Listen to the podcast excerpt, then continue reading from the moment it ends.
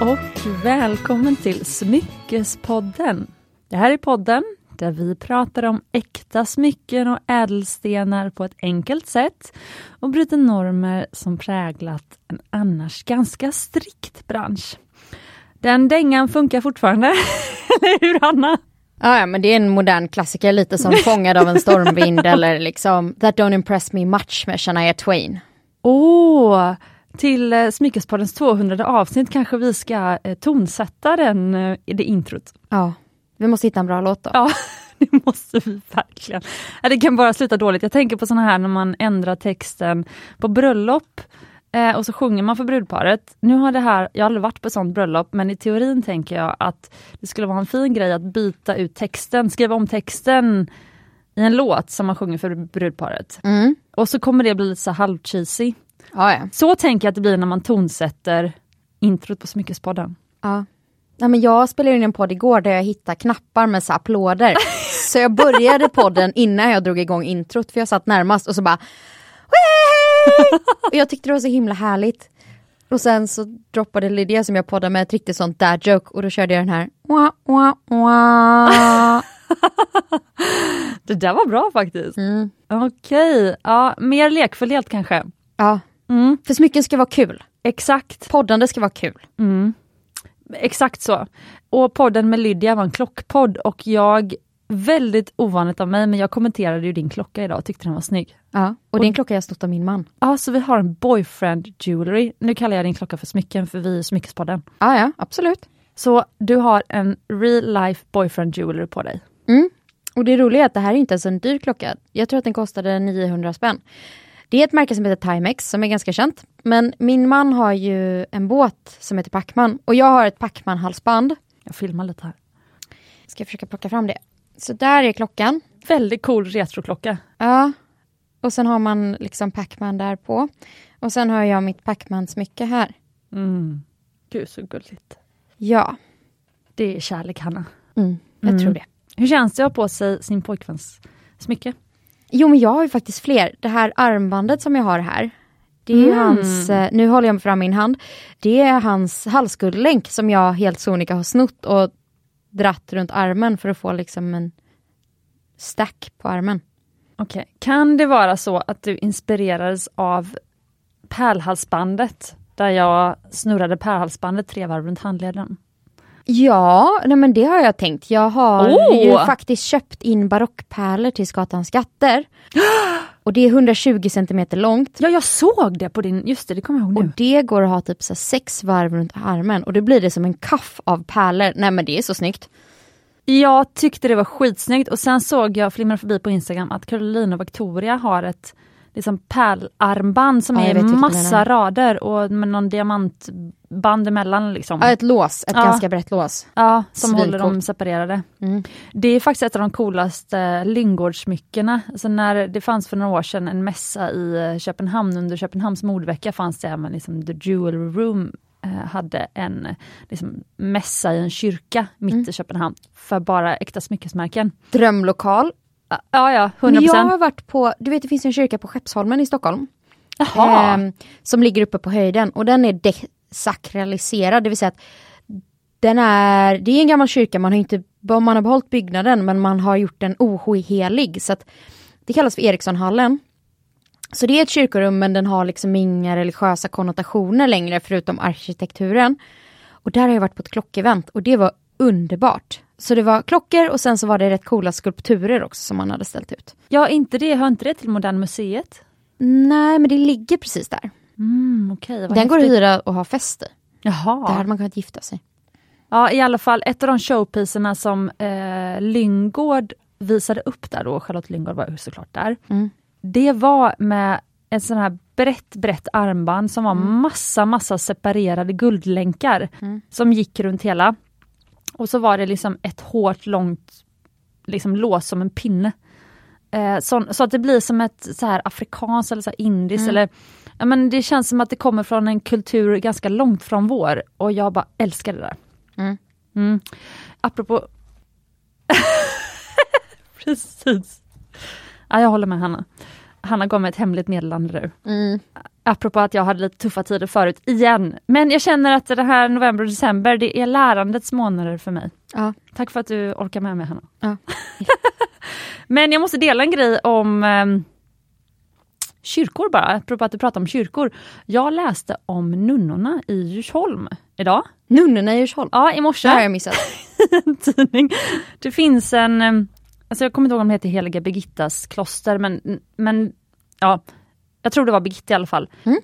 Det, den, det klostret finns i Djursholm och där finns det nunnor och eh, det är till och med en nunna som har rest från Indien för att liksom bara bo där. Och Mhm. först så avger man ju nunne, alltså att man ska vara, leva enligt nunnans regler Nunneeden. Ja precis, i, i ett år åt gången. För femte året ska man göra det för, på livstid. Alltså man har fem års prövotid typ. Ja exakt. Och en, förutom kyskhet då förstås, så Ja. är en av så är en av, just det, det går inte riktigt ihop med smycken kanske. Då får man avromantisera konceptet smycken helt. Eh, Nej vad tråkigt. Ja, Så man ska ju både ge upp sex och smycken. ja, det stod inte i artikeln. Men kyskhet är en och sen så nummer två var fattigdom. Ja, man ska inte eh, knyta sig själv till materiella ting. Så man får inte ha liksom värdefulla grejer som man inte kan tänka sig ge upp hela tiden. Ja, det kanske är därför. För Gud ska vara störst, materiella ting ska inte vara störst. Det är som munkarna i Nepal. Precis. Och sen den tredje grejen kommer jag inte ihåg, men sen en annan grej som står i artikeln var att de driver även ett äldreboende. Så de lagar mat och tar hand om de äldre. Alltså jag kan inte tänka mig ett finare äldreboende. Nej, och jag hoppas ju att de äldre då inte behöver avlägga samma löften. För jag inser ju att det här, nu när du berättar det så kommer jag ju fram till att nunnelivet är nog ingenting för mig. För att som skata så älskar jag glittriga saker och materiella ting. Och att fira kärlekens lov. Ja, och jag tycker att det är kul att ligga så att... nu har jag sagt det i podden också. Ja. Ja, men i alla fall, så nunnorna, men fint ändå, för det är nog en fin miljö, och så osjälviskt, och att nunnorna har ju då inga materiella ting att bry sig om, så de har ju alltid i världen och bara prata med de äldre. Fint! Ja, men de har inte alltid i världen heller, för de sa det specifikt, reporten frågade hur ofta de liksom träffar sin familj utanför. Och så sa de att nej, men vi har så tajt schema att det är faktiskt ganska svårt att hinna. Ja, men de träffar ju de som bor på äldreboendet. Ja, de, har, de sa också det att men vi har ju faktiskt valt vår egen familj här. Så de kvinnorna på klostret blir som sin egen familj. Ett matriarkat. Jag gillar i och för sig tanken på ett matriarkat. Ja, så det var lite spännande. Mm. Men idag, vi ska prata om Cocktailringar! Yay! Och eh, min utgångspunkt var, har den en plats i en modern smyckesgarderob? Mm. Eh, Det är en väldigt intressant fråga tycker jag. Exakt. Men ska vi börja med vad är en cocktailring och lite historia innan vi dömer ut den liksom? Ja, helt underbart, för det råkar nämligen vara så att Hanna, när jag eh, föreslog den här idén för väldigt kort tid sedan, då sa Hanna, ja, jag har ju faktiskt redan gjort massa research om cocktailringen. Så Mm. då kände jag, gud vad kul, då pratar vi om den. Ja, och nu kan vi ju då säga att det var ju faktiskt Carolina och Victoria som höll en föreläsning om cocktailringen. Så jag fick ju faktiskt den här kunskapen serverad till mig på ett glittrigt fat. Så det är föreläsningsanteckningar, Ja, guldiga föreläsningsanteckningar. ja, men sen gjorde jag ett inlägg om det. Där jag liksom satte mina egna ord på det. Så nu ska vi gå tillbaka till Skatans arkiv här. Och det är faktiskt så att cocktailringar som koncept är cirka 100 år gammalt. Så det är liksom inte supergammalt utan vi, vi pratar ändå någonstans 1920-tal. För det kom till under förbudstiden. Eh, och det var under förbudstiden så hade man ju cocktail, så då pratar vi inte om cocktailringar utan vi pratar om cocktaildrinkar. Och det var både för att spä ut spriten, för sprit var dyrt, så då blandade man det med någonting annat för att liksom få mer. Och sen för att maskera att man drack, för en rosa någonting i ett glas skulle ju kunna vara liksom grapefruktjuice. Okej, Sen hade man spetsat den med sprit. okej, eftersom du har föreläsningsanteckningar så tänker jag att det är okej att jag avbryter. Ja. För jag fick bara en tanke här nu att nu maskerar man ju att man inte dricker. Alltså man typ häller vatten i sitt vitvinsglas eller någon sån här bubbel... eh, Alltså vad heter det? Skinny Spritz. bitch. Skinny bitch, just det. Så det här var ju lite omvänt då. Eh, precis, så här maskerade att man drack och sen för att spä ut spriten för att liksom få den att räcka längre. Så tänk viben, så här, lönnkrogen, ni vet, man drar i en bok så kommer man in i ett bakrum och så här, speak easys. Ehm, och då kommer vi in på de stilbildande liksom, samhällsströmningarna. För nu är vi på art tiden Så ringarna var geometriska och symmetriska platinakreationer. Och cocktailringarna så som vi känner dem idag, eh, det som vi ofta tänker på när vi tänker på cocktailringar med stora stenar och maffigt och så. Det kom faktiskt till på 50-talet. Och det här var ett årtionde som präglades av optimism. Andra världskriget var slut, folk var bara så här, nu kan vi börja leva igen, nu ska vi sluta skjuta på varandra och vi ska vara glada. Eh, vi har kvinnlig frigörelse, man slutade med korsetter som verkar vara ett jävla sattygsplagg egentligen. Fattar du vad obekvämt? Du som gillar mjuka yogakläder, tänk på din korsett dagligen. Usch. Ja men jag tänker mer så här, du som har lite mer boobies än vad jag har då. Mm. Om jag får outa det i podden. du, alltså det är väl för dig som man har en korsett? Så Nej, korsett är för att dra ihop midjan. Jag har ju en bygel-bh men en korsett är för att dra in midjan för att få en smal getingmidja. Ja det är bara midjan. Ja, sen fanns det ju kupor på den för att hålla brösten men det har ingenting med Just nu opererar ju folk bort revbenen istället. Det är ju mycket mer bekvämt än en korsett eller? Ja, men usch, jag hoppas att vi bara släpper det. Ja. Eh, så vi hade kvinnlig frigörelse, vi hade lite glamour eh, och så började man anordna cocktailpartyn. Det är liksom här, man började dricka cocktails innan men sen började man anordna liksom riktiga cocktailpartyn. För nu är det inte förbudstid längre utan nu får man dricka. Men man kom på att det här med cocktails var ganska gott och kul. Så då hade man cocktailpartyn. Och vad ska man ha på sig då? Då måste man ju på sig glittriga saker. Och traditionellt bars cocktailringen på höger ringfinger. Och designen präglades av tidens anda. Under 50-talet var platina en bristvara. Och då återgick man från platina som man hade under RDK-tiden till rött guld. Och den enda konstanten i det hela tycks vara färgstenar och att more is more. Eh, och sen var det två underbara citat som sades den kvällen. Det var go big or go home. Oh. Och sen kvinnorna ville kröka, röka och göka. Nämen! Vem sa det? Eh, Nu fnittrar han här jag glatt i funderar på om det var, nej det kan inte ha varit, det kan ju definitivt inte ha varit Carolina, kan det ha varit Victoria? Jag vet inte. Eller så var det någon i publiken som liksom sammanfattade det så. Mm, bra. Ja, vi har, nu har du täckt upp alla som var på eventet. Exakt. Så det är Eh, hemligstämplat. Ja och det, det dracks kanske en del bubbel på eventet så det kan Mm. vara därför. Men platina behövde i alla fall användas i industrin så det fick man inte använda. Och sen ville man ha, liksom diamanter var som de är nu, de var eh, Liksom, det fanns inte så många, de var scarce. Vi har precis poddat på engelska, det är därför jag inte kommer på. Sällsynta var de. Mm. Då letade man sig till andra typer av ädelstenar som då var billigare och gick att få i liksom stora grejer. Så det var stora färgstenar, tänk ametister, akvamariner, citriner, turmaliner. Så om vi nu är på 50-talet, Mm. då har vi alltså tagit oss igenom en kvinnlig frigörelse och ett liksom post-krig-era, Ja, efterkrigstid. Eh, vi har gått in i ett nytt krig och vi är ute ur det kriget. Ja precis. För att förbudstiden hände, hände ju efter första världskriget. Första världskriget var 15 till 18 va? 1915 till 1918. Tror du, nej, 1914 till 1917. Ganska säker men eh, Ja, ja, men vi innan 20-tal. Och sen så hade du ju förbudstiden när folk inte liksom, fick supa ner sig för efter kriget var folk deppiga. Så hade man förbudstid i USA. Men vad betyder förbudstid? Att det var förbjudet att dricka alkohol. Oj! Mm. Prohibition. Jaha, för att? Eh, för att det fanns samhällsströmningar tror jag som man ville få folket i skick att de inte skulle liksom bli alkoholiserade och ta hand om sin familj och bygga upp samhället igen. Tror du att det var så att folk drack mycket under kriget och att det blev problem? Det kan det nog ha varit. Jag vet faktiskt inte riktigt. Nej, det är sånt man kan fundera över när vi tar ett glas vin nästa gång. Exakt. Mm. Eller bubbel menar jag. Ja. Eller cocktails. Ja, precis, cocktails. Jag pratade med mamma om det idag, att eh, jag ska besöka henne i, i jul. Och då så sa hon, kan du köpa med dig den här specifika sortens sprit för det vore kul att göra den här cocktailen. Och då sa jag, jag är inte så förtjust i den cocktailen, kan vi göra den här istället? Och hon sa hon, bra.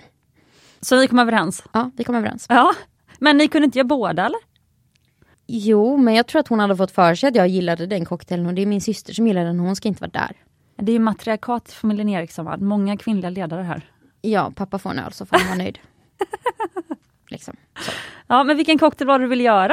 Eh, jag sa att jag vill göra whisky sour. Och hur gör man den? Ska vi för ovanlighetens skull bjuda på eh, cocktailtips i Smyckespodden? Ja, en whisky, en sour är en speciell drinkkategori. Man kan göra gin sours. Jag har en favorit som heter mescal sour.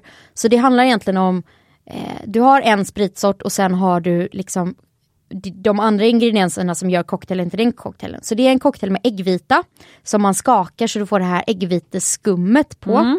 Sen har man ofta några droppar bitters som är en, liksom, en smaksättare. Det är det som, om ni har druckit en whisky sour så är det ofta lite rött i det här vita täcket som ligger uppe på. Så det är en, eh, en sours kallar det för. Och sen har du en eh, citronsockerlag. Oj. Så det sy, eh, syrliga i det hela drinken är ju, så det är citron, det är socker, det är äggvita och det är sprit. Typ.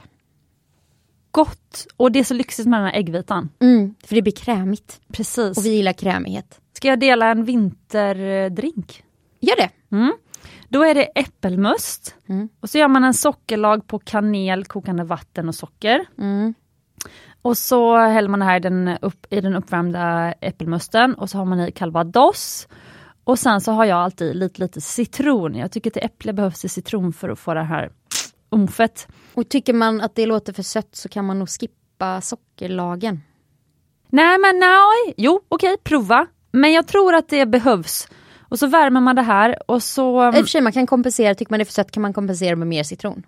Ja precis, nej men alltså jag, när jag smakat upp den. Mm.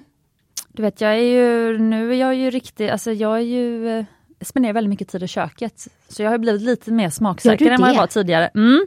Men eh, så socker behövs, det händer någonting med äpplet också. Och jag tror i kombination med spriten och citronen. Ja. Jag kan, och det varmaste rekommenderar i alla fall, speciellt att bjuda sin familj på kanske nu i jul. Ja, och där kan man ju också fundera på äppelmusten man använder för olika äpplen har ju väldigt olika karaktär. Precis. Så beroende på om man är en sockergris eller om man är mer syrlig så kan man ju välja olika sorters äppelmust då. För det finns ju olika, de är gjorda på olika och de har ofta så här den här är lite syrligare, den här är lite sötare, den här är lite så. Mm. Men du har ju helt rätt, om whisky sour är en sur drink så är det här en söt, varm, mustig drink. Mm. Men eh, receptet eh, tror jag är Ja, och kanelen. Jag funderar Mm. på om man skulle kunna mortla ner lite kardemumma också. säkert. Mm, jag älskar ju det. Ja, det var dagens cocktailtips. Ja. Whisky sour och Cecilias eh, vintervärmare. Men, för nu har du ju gått igenom oss, då har vi på 50-talet. Men ehm, Är vi fortfarande på ett intro eller är vi... Jag har också tappat bort mig. Eh, nej, jag har inte tappat bort mig. Men ja, det jag vill fråga dig är, har du mer historiebakgrund eller var det, Nej, var det, det dina anteckningar? Det var det. Bra, för då tycker jag fortfarande att vi är på introt för att det vi ska göra nu under huvuddelen, det är att vi ska prata om cocktailringens vara eller icke vara. Mm. För mig har i alla fall cocktailringen varit en... Alltså tidigare när jag inte kunde så mycket om äkta smycken, då tänkte jag att det finns diamantringar och sen finns det cocktailringar. Det var typ så 20 22-åriga Cecilia tänkte kring äkta smycken. Mm. Så för mig är liksom cocktailringen symbolen för något härligt, färgglatt, glammigt, dyrt, kul. Mm. Typ så. Är den det fortfarande? Det får vi veta snart. Ja. Hanna, vad har du för relation till cocktailringen? Eh, jag gillar ju stora smycken och har alltid gjort. Eh, jag gillar färgädelstenar, har alltid gjort. Och är inte blyg för om man kallar det för statement pieces. Så jag är nog ganska positiv till cocktailring.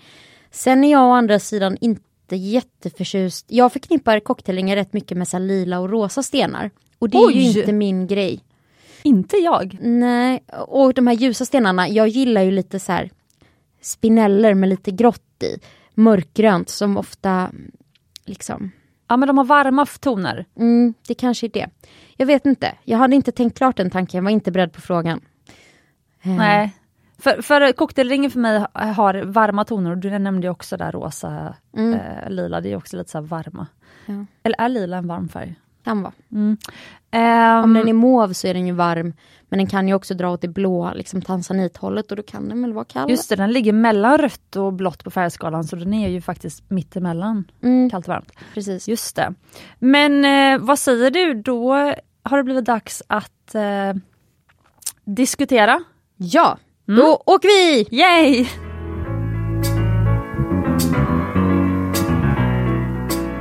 Hanna, Mm. på pro-sidan, varför har cocktailringen en plats i den moderna smyckesgarderoben?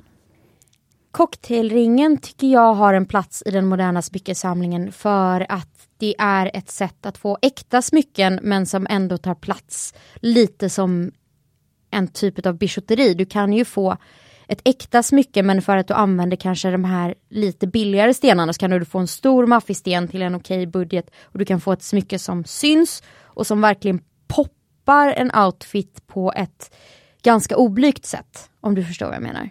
För vad är, vad är din definition på en cocktailring? Oh, en cocktailring skulle jag säga bärs antingen på ett ring eller på ett långfinger. Mm. Den ska ha en stor sten. Den får gärna ha flera stenar men den ska ha en stor liksom showpiece. Eh, och jag tror att jag tycker att den ska täcka fingret så att det, liksom, det är inte små, en liten solitärring, där ser man ju hur skenan kommer upp och sen kommer stenen. Här ska liksom stenen nästan vara så stor så att skenan bara försvinner lite. Om du förstår vad jag menar. Mm, jag förstår. Det är inte en plain tunn skena liksom. Det är inte en liten två millimeter. Nej, precis. Jag håller med. Cocktailringen måste vara stor. Size does matter. Exakt. Ehm, stor. Mm. Sen har jag en idé om att den måste blanda eh, en... Den måste vara både nätt den måste ha något element som är litet och nätt och något element som är stort. Alltså till exempel en jättestor domring med en infälld stor sten. Den är liksom för chunky. Alltså för att för mig, alltså den bilden jag ser av en cocktailring, för jag ser en hand med ett vinglas eller champagneglas på en, en eh, drink, då, en härlig drink. Mm.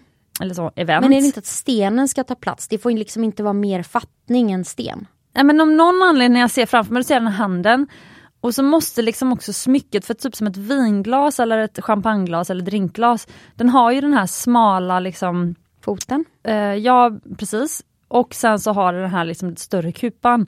Så av någon anledning är det så jag ser på en, en, en, en ring som bara är chunky, är liksom inte tillräckligt elegant för att vara en cocktailring. Nej, det måste finnas ett visst mått av finess i det hela. Ja precis, Men sen kan jag tänka mig, nu tänker jag på en av eh, min mammas ringar. Hon har en stor eh, oval, alltså det är nog en fancy katt men den är oval, eh, en ametist, en ljuslila ametist. Eh, så, så här har vi färg och den är ganska stor, alltså den är, nu håller jag med fingrarna, man kan säga att den är kanske 2,5 cm gånger 1,5. Sen har den en ganska enkel vitguldsfattning. Eh, och en kanske 3-4 mm bred skena. Men stenen är ju verkligen i centrum och stenen har klor. Men jag skulle kunna tänka mig att det hade funkat även om den var sargfattad. Eller? Har sargfattningen en plats i en cocktailring tycker du? absolut. Ja. Jag har ju faktiskt ett litet drömuppdrag nu, men för en eh, nära person så ska jag designa en eh, trappslipad, eh, alltså Oh. rektangulär smaragdslipning, solitär med besällfattning, mörkgrön turmalin. Mm. Jättefin. Oh, här har jag en tanke. Jag tycker inte att runda briljantslipade stenar är cocktailstenar. Va? Mm, nej, eller inte, vi, inte de är vita. Jag, jag vet inte, jag förknippar cocktailringar med ovala eller liksom rektangulära Gud vad stenar. intressant. Okej, jag skriver här eh, rundslipad frågetecken. Okej, men jag kan vara beredd att gå bort på, gå, alltså gå bort från att eh, eh, den inte får, hela ringen får inte vara chunky. Jag tänker så här, den får visst vara chunky. Men det kan inte vara en dome ring liksom. En dome ring är inte en cocktailring. Nej men det måste, den måste vara stor då, den måste ha finess och den måste ha en stor ädelsten. Ja. I färg. Ja. Så en, en stor ring med en fet bergskristall kan aldrig vara en cocktailring. Jo, vi säger då, jo men färgsten då är ju, faktiskt definitionen på färgsten är ju alla stenar som inte är diamanter.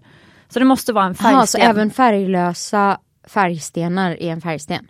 Ja. En vit safir hade ändå varit en färgsten. Ja, det är en färgsten. Okej, Precis. ja, men jag, det, det, Eh, men däremot så kan jag nog tycka att en typ jättestor mörk chokladdiamant, det kan ju vara en cocktailring. Ja, eller om man har obegränsad budget. Eh, Jag skrev ett inlägg om The Royal Blue, alltså en typ 17 karats diamant som var päronslipad. Som är liksom så här duck egg blue. Eh, Liksom världens dyraste diamant. Den sitter ju, det blir ju en cocktailring liksom för att den kan inte Ja. vara något annat. Nej, men jag har skrivit här nu, färgstenar och färgade diamanter. Ja. Och sen så, En champagnediamant, kan det vara en cocktailring? ja. Okej. Och sen så har jag en, ett fjärde kriterium som jag föreslår. Är det nu vi sätter nya definitioner på vad en cocktailring är? Ja. Det är att du köper den med tanken om att det inte ska vara en varje dag-ring. Det är rimligt. Mm. Inte en varje dag-ring. Nej. Sen tycker jag att ibland kan man ju behöva lite extra glam i sitt liv. Så känner man att man behöver pigga upp ett tisdagsmöte där man behöver, vill göra ett statement så kan man göra det. Men det är liksom inte, Nej, men det är exakt det som är meningen. Då tar man Ja. på sig sin festring, sin partyring. ah, ja okej, men då är det som eh, när man har jeans och t-shirt men tar på sig sin riktigt dyra handväska. Bara för att man behöver en färg, pop of color. Ja, alltså jag i mina anteckningar här när jag funderar lite grann. Det är inte vardagsväskan av smycken. Nej men jag skulle säga som att det är att ha liksom ett par röda eller blå eh, liksom, pumps i garderoben. Eller klackar liksom. Ja. Eller glitterklackar eller något som... Det ska inte passa med allt i smyckesgarderoben. Nej exakt så. Det ska vara en showpiece. Exakt.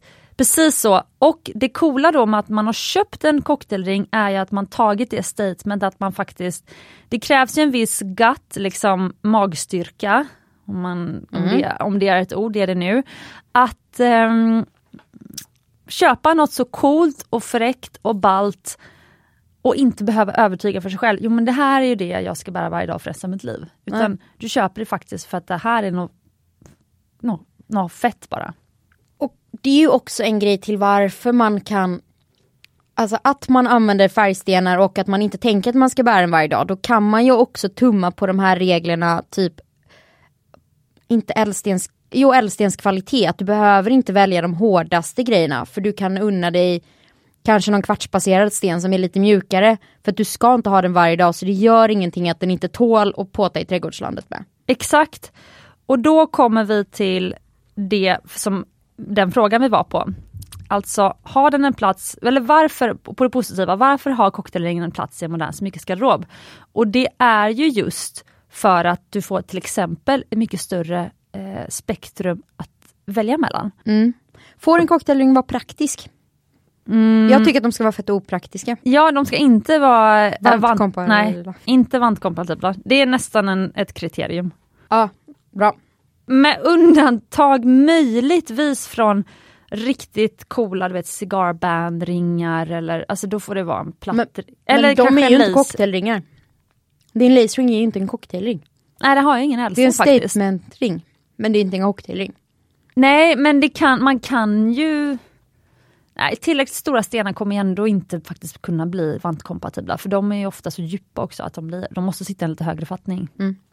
Ja, nej men det är sant. De kan inte vara vantkompatibla. Och en cocktailring är inte nödvändigtvis samma sak som en powerring.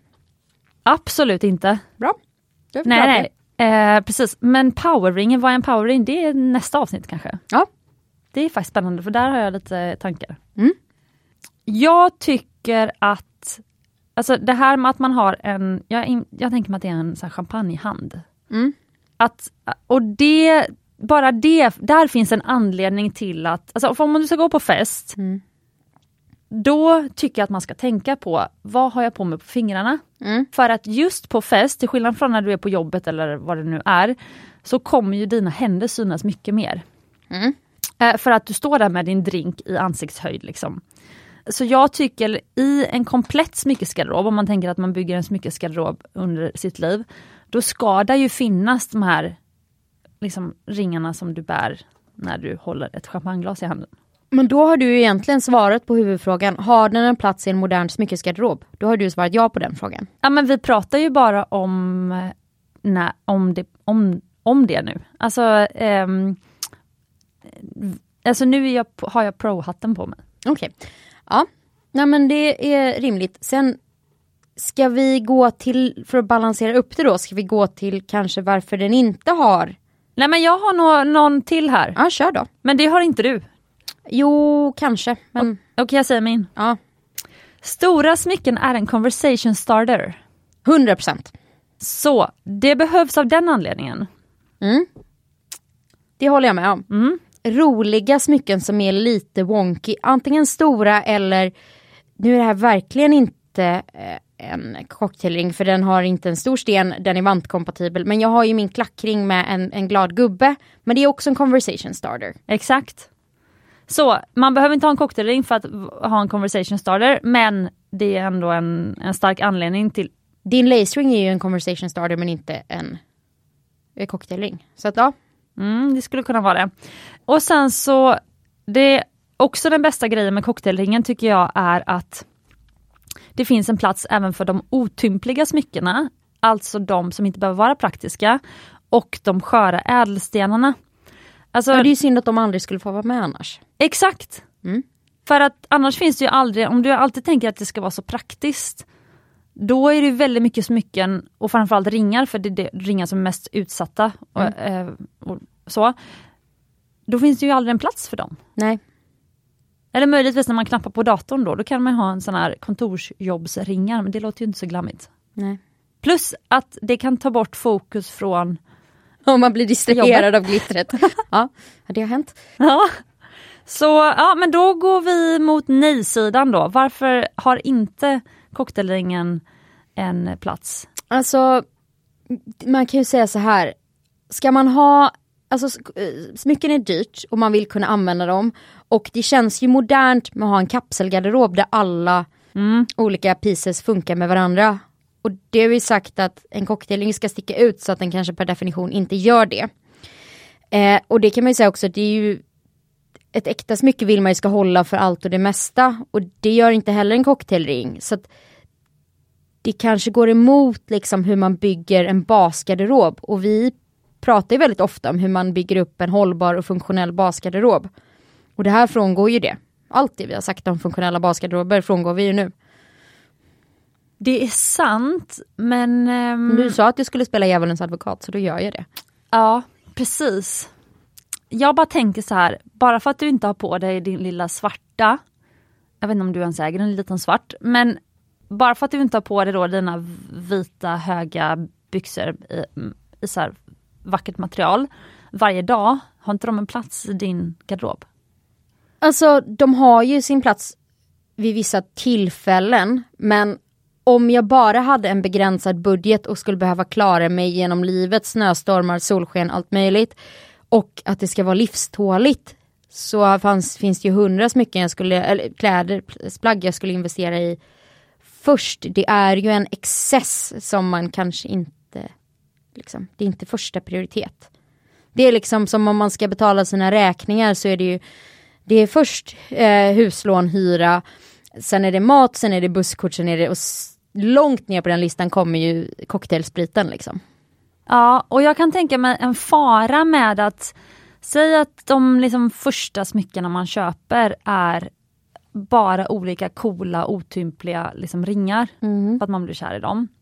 Då använder man ju dem mm, kanske mer än man borde. Ja. Eller så använder man dem inte tillräckligt för att man, de blir så speciella att man sätter upp dem på en piedestal. Ja, Att exakt. De, det, det är finns, antingen eller. Precis så, så det finns två vägar att gå och båda två är lika troliga. Mm. Så för att om du då om du älskar dina smycken, då kommer du inte ha någonting att bära på vardagen. Nej. Så då måste du gå på fest för att bära dina smycken och då har vi fallerat i hela konceptet det här att smycken ska in i vardagsrummet. Mm. Så, så att det jag vill lägga till då till varför inte cocktailringen liksom hör, hör till, det är att det är ganska många smycken du först kanske borde investera i innan du investerar i cocktailringen. Om du liksom älskar smycken. För att annars riskerar du att använda upp din sköra cocktailring så mycket att den bara kommer bli utsliten eller du tröttnar på den eller ehm, ja. Sen kan jag säga att om man drabbas av en ring och verkligen vill ha den och det råkar vara en cocktailring och i synnerhet om man tittar vintage så kanske man ska slå till ändå men då får man vara väldigt, det kräver ju ett visst mått av självåterhållsamhet att då veta att okej det här var en once in a lifetime opportunity, jag behövde göra det här. Men nu kanske jag ska köpa en alliansring. Liksom. Men om du skulle rådge en vän Mm. som du vet har eh, ja, begränsad smyckesbudget, kanske en kan köpa ett vackert smycke per år. Mm. Och bara det är ju ändå ganska, då är, är man ju lyckligt lottad om man kan göra det. Mm, verkligen. Och så har den personen kärat ner sig i en ring och så rådfrågar hen dig. Ska jag köpa den eller inte? Då hade jag frågat, vill du bära smycken varje dag och hela tiden? Och hade hen sagt, eh, nej det vill jag inte. Jag kan tänka mig ha den på lördagar. Då hade jag sagt kör. Men om personen sagt ja, jag vill ha smycken på mig varje dag. Då hade jag sagt börja med det här. Då investerar du i ett par guldhoops till öronen. Du investerar i ett guldband. Kanske någon liten, kanske en halv allians först. Och när de har de tre grejerna så att de har någonting att ta på sig. Det behöver ju liksom inte vara att man har en komplett smyckesgarderob innan, men du ska ha någonting. Det här är spännande för att jag har precis fått i uppdrag att designa smycke till en tioåring. Okej. Mm. Hon är då född in i en familj av eh, smyckesälskare. Men vilken typ av smycke tycker du då att jag borde skapa till henne? Alltså, tioåringar leker ju förhoppningsvis. De är ute och sportar och håller på och rör på sig och ritar och kladdar. Jag hade ju kanske gått på halsband. Hon är ju faktiskt med i en, eh, hon blev uppflyttad till en sån här extra bra eh, grupp. Alltså hon, hon kunde ju slå volten när hon var typ sex år gammal. Mm. Så hon håller på med gymnastik och tour, tour eller det heter någonting. Ja. Men, men och då ska hon ju faktiskt framförallt inte ha någonting på fingrarna för det är lätt att stuka dem när man håller på med sånt och då kanske man inte får av ringen och så sabbar man sina fingrar. Så att jag är verkligen emot ringar då. Ja, som hon också kommer växa ur nästa år. Mm. Exakt, så jag hade gått på halsband. Ah, Alternativt armband, men det är också risk att hon växer ur det. Halsband kan man göra lite längre så att den kommer passa. För man vet ju ungefär vilken storlek man kan ha på halsband som en vuxen människa. Så man kan ha lite. Men ett armband sitter ju inte kvar om du gör det tillräckligt stort så att hon ska kunna ha det några år. nej, men jag har ju gjort misstaget att alltså, jag gav henne ju ett armband när hon var jätteliten. Men hon gjorde ju sönder det med en gång. Alltså hon kommer inte få ett nytt armband förrän hon är vuxen. Nej. kan jag säga. 18 kanske, Ja, 18 men hon är den typen av barn som liksom inte, ja, det går sönder när man, fina grejer går sönder runt henne. Så, Mm. säger jag med kärlek. Jag är ju själv ett sånt barn. Men ehm, hon fick ett halsband faktiskt också när hon var liten. Mm. Hon har ett så här varje dag halsband. Nu vet jag vem vi pratar om. Men outa inte Jag har det. inte sagt något. Eh, Men det är hennes stora syster. Ah, okej. Eh, Så. Mm. Och barn byter ju inte halsband. Jag tycker inte heller att, eh, lite som faktiskt det vi pratar om i engelska podden nu, vi pratar om vad är äkta smycken. Och jag tycker liksom inte att barn ska fokusera på, de, det halsbandet som de bär nu ska ju de bära under sin barndom. Mm. Alltså det, då blir det en del av dem och sen så när de blir vuxna då kan man liksom börja byta ut med smycken och så. Men, det, men liksom mer än ett halsband tycker jag inte hon behöver. Men hon tog ju faktiskt hål i öronen nu härom sommaren. Mm. Och då är ju också liksom ett par äkta örhängen, för det är också så här, alltså som vuxen vill man ju kanske att sitt barn har så här riktiga örhängen. Ja, för man vill inte att de ska utveckla nickelallergi och kaos. Nej precis, sen så vet jag att det finns ju smycken som inte... Alltså, Ja, det finns oäkta rostfria smycken- stålsmycken också. Men, Ja, som in, där inte innehåller nickel och sådär. Men det är ju någonting ändå med att få liksom sina första liksom, små riktiga örhängen. Okej, men om det är till en tioåring då. Det första jag hade sagt är, man ska ändå vara mindful av att de har, det är en tjej vi pratar om, så hon kan ha långt hår. Man vill inte ha någonting där håret kan fastna, man kan slita ut det. De får inte vara för stora så att man kan riva sönder örsnibben. Nej exakt så. Och sen så tänker jag att traditionella snurrebussar, de, de lossnar lätt. Jag hade ju gått på någon form av hoop som klickar i. Gud vilken bra poäng, gud vad glad, jag, jag var glad att jag ställde den här frågan till dig. För hoops var det jag tänkte. Men jag tänkte faktiskt snurrebuss hoops. Eh, för jag tänkte att, så här, att hon, hon ska få hänga i en liten berlock också. Men, det kan man eh, göra på en hoop som man klickar i också. Ja men du har så rätt, det är klart att hon måste ha en. För hon Typ kommer en huggy mer fast Ja, hon kommer också, jag lovar, hon kommer ju pilla på liksom så här, sina örhängen och så plötsligt kommer en snurrebuss åka ur. Ja, och så kommer hon tappa örhänget, inte bara snurrebussen. Ja precis, okej det får bli det. För hoop var det jag hade tänkt.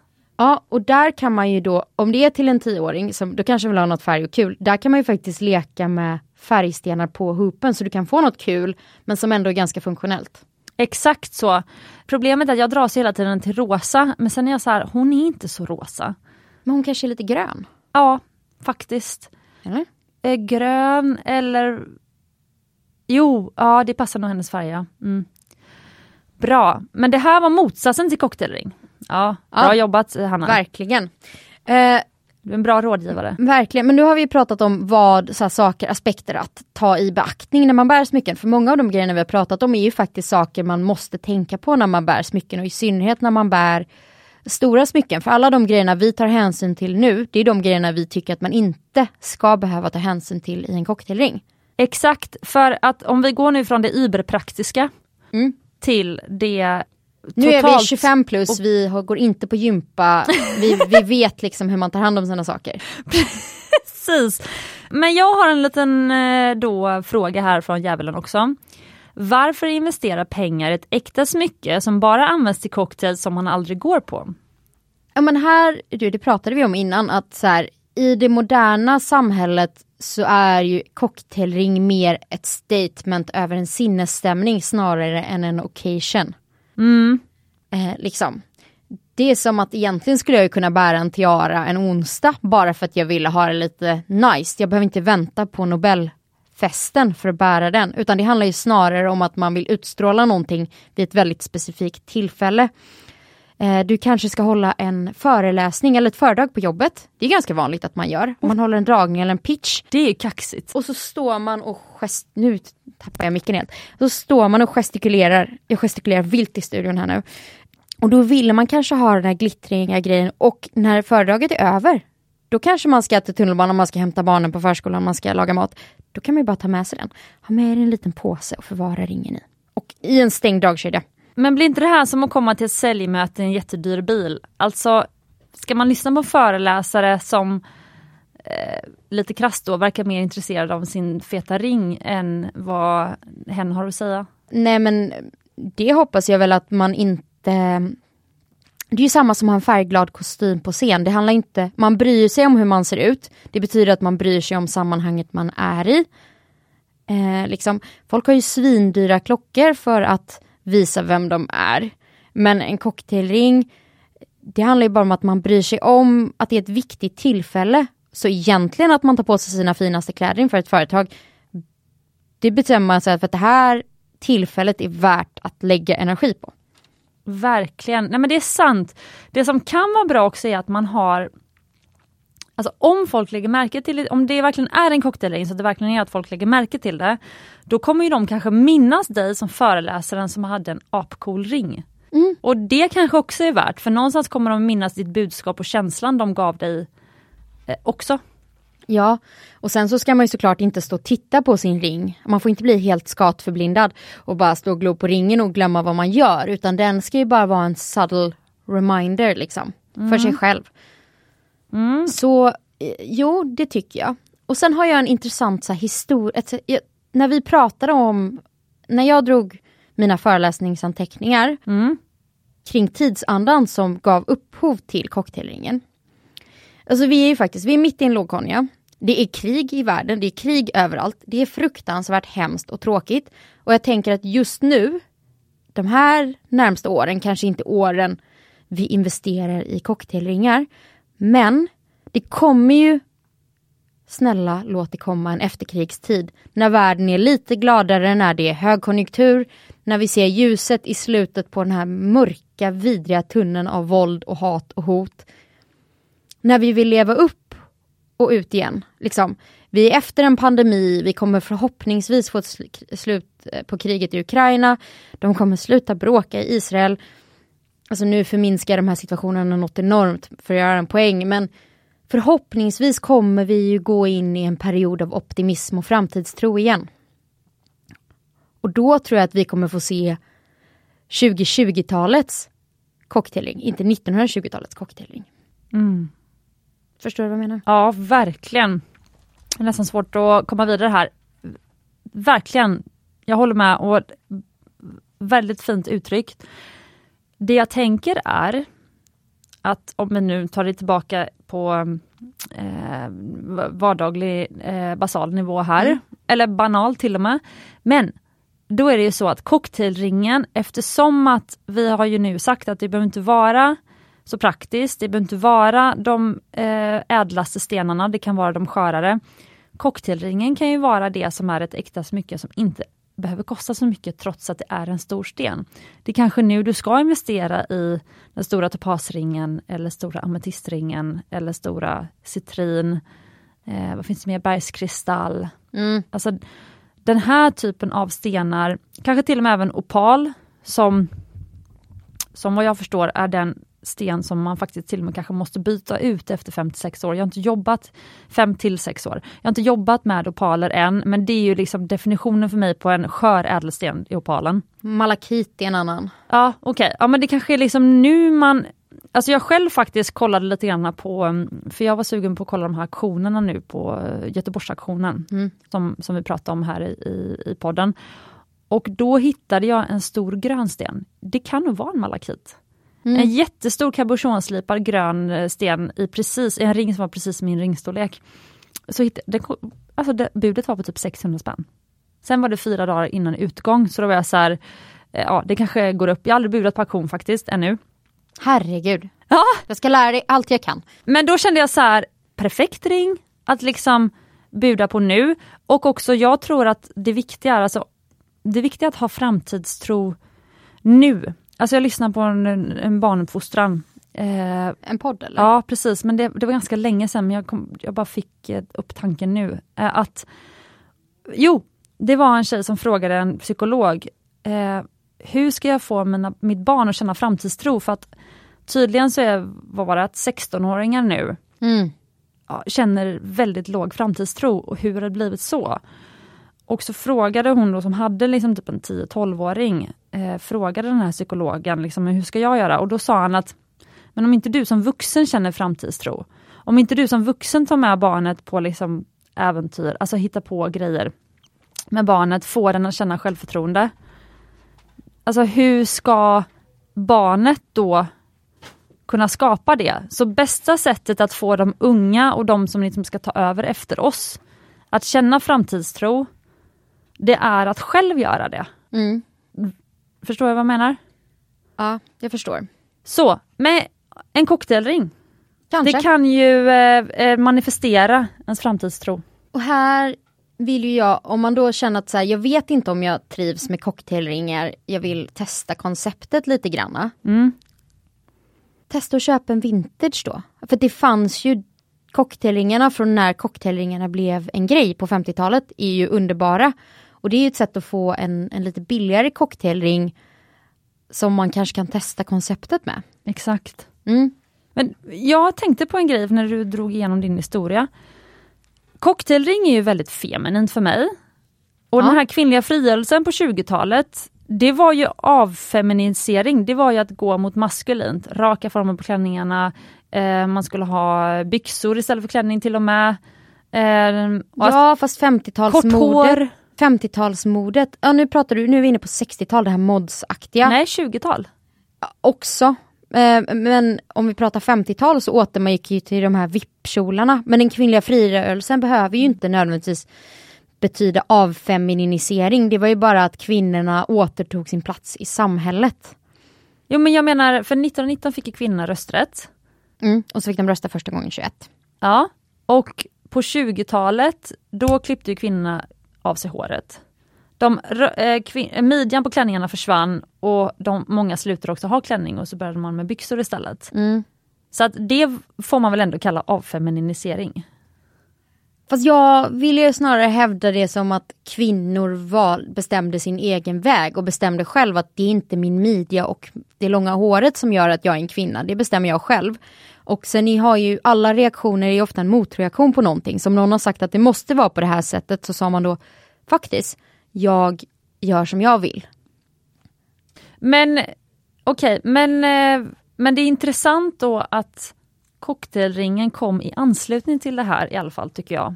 Fast cocktailringen kom ju sen på 50-talet, den kom inte på 20-talet. Cocktails, Ah, och- som, cocktails som drinkkoncept kom på 20-talet. Cocktailringarna kom på 50-talet. Ah, Mm. okej så det kom, då kom det tillbaka där med de eh, smala midjorna och vippiga kjolarna och så. Och lite extravagans och eh, ja. Mm, okej, ja men då har jag löst historiemysteriet. Ja. Okej, men slutsats? Har cocktailringen en plats i den moderna smyckesgarderoben? Eh, jag har nog övertygat mig själv om att den har det. Eh, jag har en ring som kanske inte är en traditionell cocktailring men som uppfyller alla de kriterier som vi har sagt. Jag har på mig den nu. Det är en ring med en stor citrin. Eh, den är stor, den tar över jättemycket plats, den är inte alls speciellt vantkompatibel. Sen är designen lite mer så gotisk. Eh, men liksom, ja. Jag säger 100% ja. Mm. Absolut. Och jag, jag känner själv nu att eh, jag behöver nog en cocktailring. Mm. Jag har ett cocktailarmband, Ja, det vet jag. alltså då. ett festarmband. Mm. Får jag då utmana dig i när du eventuellt skapar den här cocktailringen? Mm, gärna. Jag tycker att du ska testa att jobba med lite bredare, moffigare skena än vad du traditionellt jobbar med. Ah, Mm. för att? För att du ska ha en stor sten så att den kommer vara tung. Mm. Eh, och grejen med stora, tungar på, stora tunga stenar på för smala skenor är att de gri, vrider sig runt på handen. Liksom. Man behöver liksom lite stabilitet och stadga i dem så att de sitter kvar. Så att den inte hamnar på sniskan, så att den blir bekväm. Och allting handlar ju om balans. Liksom, det, det var jättepopulärt ett tag på amerikanska kändisar har du vet svinstora ovalslipade eh, diamantringar på jätte, jätte, jätte, jättetunna skenor. Och det blir liksom, de är inte hållbara, de funkar inte utan våga gå lite mer på godset och anamma den andan som var på 50-talet att man kunde liksom inte jobba med de här delikata platinafattningarna, man fick jobba med lite mer gods. Mm, jag antar utmaningen. Bra. Helt klart. Har du önskemål om sten? Nu ska jag tänka på vad du gillar. Jag funderar på, det här är ju verkligen inte min färg, men jag tänker att det kunde vara fint att gå kanske åt det syrenlila. Åh, Ja, älskar! det tror jag hade passat dig. För jag tänker att det blir också fint. Då får jag också tänka på vad du bär i vanliga fall. Du gillar ju dina små vita diamantband. Och det passar ju ändå. Nu skulle den här ringen inte passa in, men jag tänker en större lila sten. För lila stenar blir bättre när de blir stora. Ja. Och det finns, alltså ametist är ju en cool sten i det. Och det är lite royal, lite regal över det hela. Eh, så jag tycker att du ska gå på någon slags mauve, lila, syrenfärgad. Inte gå för mörkt, du har rätt mycket mörkgröna turmaliner. Blått känns inte som du i den här tappningen. Nej men jag säger nog lila. Gud vad kul. Och kanske med rödguld. Ja, Mm. gud vad fint. Eh, vet du vad jag tänkte också på? Jag kan hålla med om att det här inte ska vara min cocktailring så här, i för, första skede. Men en cool typ av cocktailring som blandar det gamla med det nya. Det skulle vara att använda en väldigt stor svart onyx. Ja. Det passar ju också, liksom, det är de här gamla gamla smyckena. Liksom. Mm. Eh, och sen så kanske ha vita glittriga diamanter på något vis runt om. Ja, ja. Cool långfingerring. Ja, absolut. Och gärna att stenen är lite avlång så Ja. att du får mycket finger coverage. Eh, och här behöver man inte bry sig om gnistret i stenen för onyxer gnistrar inte på det sättet. Så man kan ju bara gå på form. Jag tänker nästan någon lång markis eller oval, liksom väldigt avlångsaktig. Exakt. Sen så har jag en idé om korall också. Ja, coolt. Mm. Eh, med turkoser är också fint. Om man vill ha den lite mer Ja. beach-viben. Problemet är att man måste ju ha några facetterade stenar också, så man, för man vill att det ska glittra. Så, för att det är ju liksom i, i, i det här dova liksom, eh, skenet av... Eh, Alltså om jag skulle designa en cocktailring till mig själv, Ja. givet min färgskala. Jag gillar ju typ rökkvarts. åh, Ja. bra val! Och kanske jobba med accenter av champagnediamanter. Mm, de kan skära sig, de färgerna. Mhm, Alltså champagnediamanter har en varm beige ton och rödkvarts har som en kall Okej. gråbeige ton, bara spontant. Men alltså rök... Rökkvarts och rosa diamanter. Oh, wow! För det är så billigt.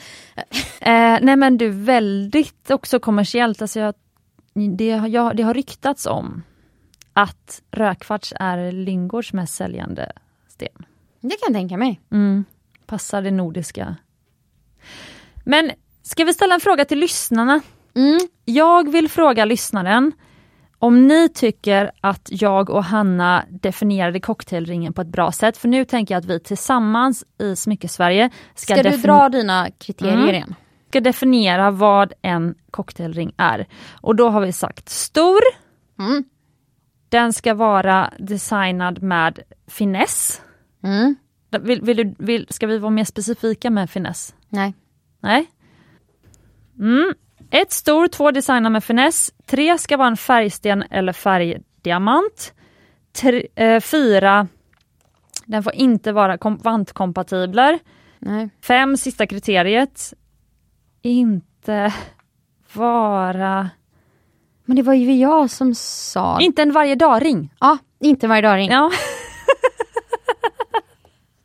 Man ska Bra inte det kunna tro att Cecilia är läkare, hon skriver så man inte ser var hon står. För att du inte ska kunna läsa mina anteckningar. Ah. Okej, nu tar jag en bild här. Oj, jag har en helt röd hand. Okej, men då, um, vad vill du ställa för fråga till lyssnarna? Eh, Eller ska det vara den frågan? om du hade fått eh, designa en cocktailring till dig själv här idag på stående fot, vad är det första du hade dragits till? Just det, hur ser din... Hur ser din dröm? Tänk inte efter för mycket, bara vad drabb, hade drabbat dig med en cocktailring idag? Mm. Mm. Okej. Den vänstra här är en, inte en cocktailring, den högra är en cocktailring. Skillnad mellan finess och inte finess. Mm. Okej, och svara gör man till Magpie, Andla Memoirs, eller och till Smyckespodden. Ja. Vi, vi tar ju del av varandras Ja. eh, DMs. Det gör vi. Mm. Och med de orden Hanna, vi har i och för sig någon minut till så har vi pratat i en timma. Om du vill säga Eller någonting. ska vi faktiskt hålla oss inom tidsramen och bara gå out with a bang och säga Kära skator, ni förtjänar ädla stenar, äkta smycken och en fin cocktailring. Håller helt med. Och så måste jag köra smyckespodd-slutet så att det blev i rätt ordning här. Kom, tack så mycket Hanna för att du kom, kom hit och gästade. Återigen, älskar att konversera med Hanna. Och eh, så kul att ni vill eh, eh, vara med här på vårt smyckespoddtåg, smyckespodd-tåg, kära lyssnare. Hoppas att ni tyckte att det här var ett härligt avsnitt. Och glöm inte att ni är värda äkta smycken och ädla stenar. Och precis som Hanna sa, en stor fet cocktailring.